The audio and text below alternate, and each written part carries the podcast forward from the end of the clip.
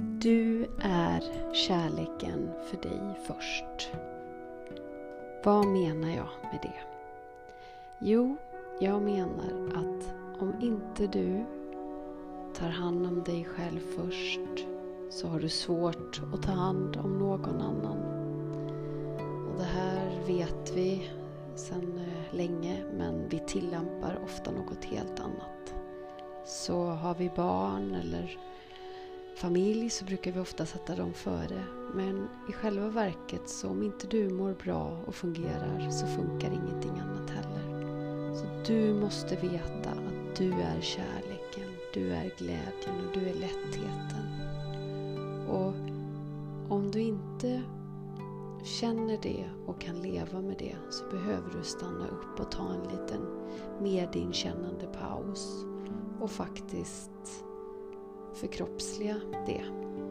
För vi är alla energier och vi sänder ut energier och vi tar emot energier. Och om inte du har koll på vilken energi du sänder ut och vilken förmåga du har eh, så det är synd helt enkelt. Det är, man missar massa, massa, massa möjligheter.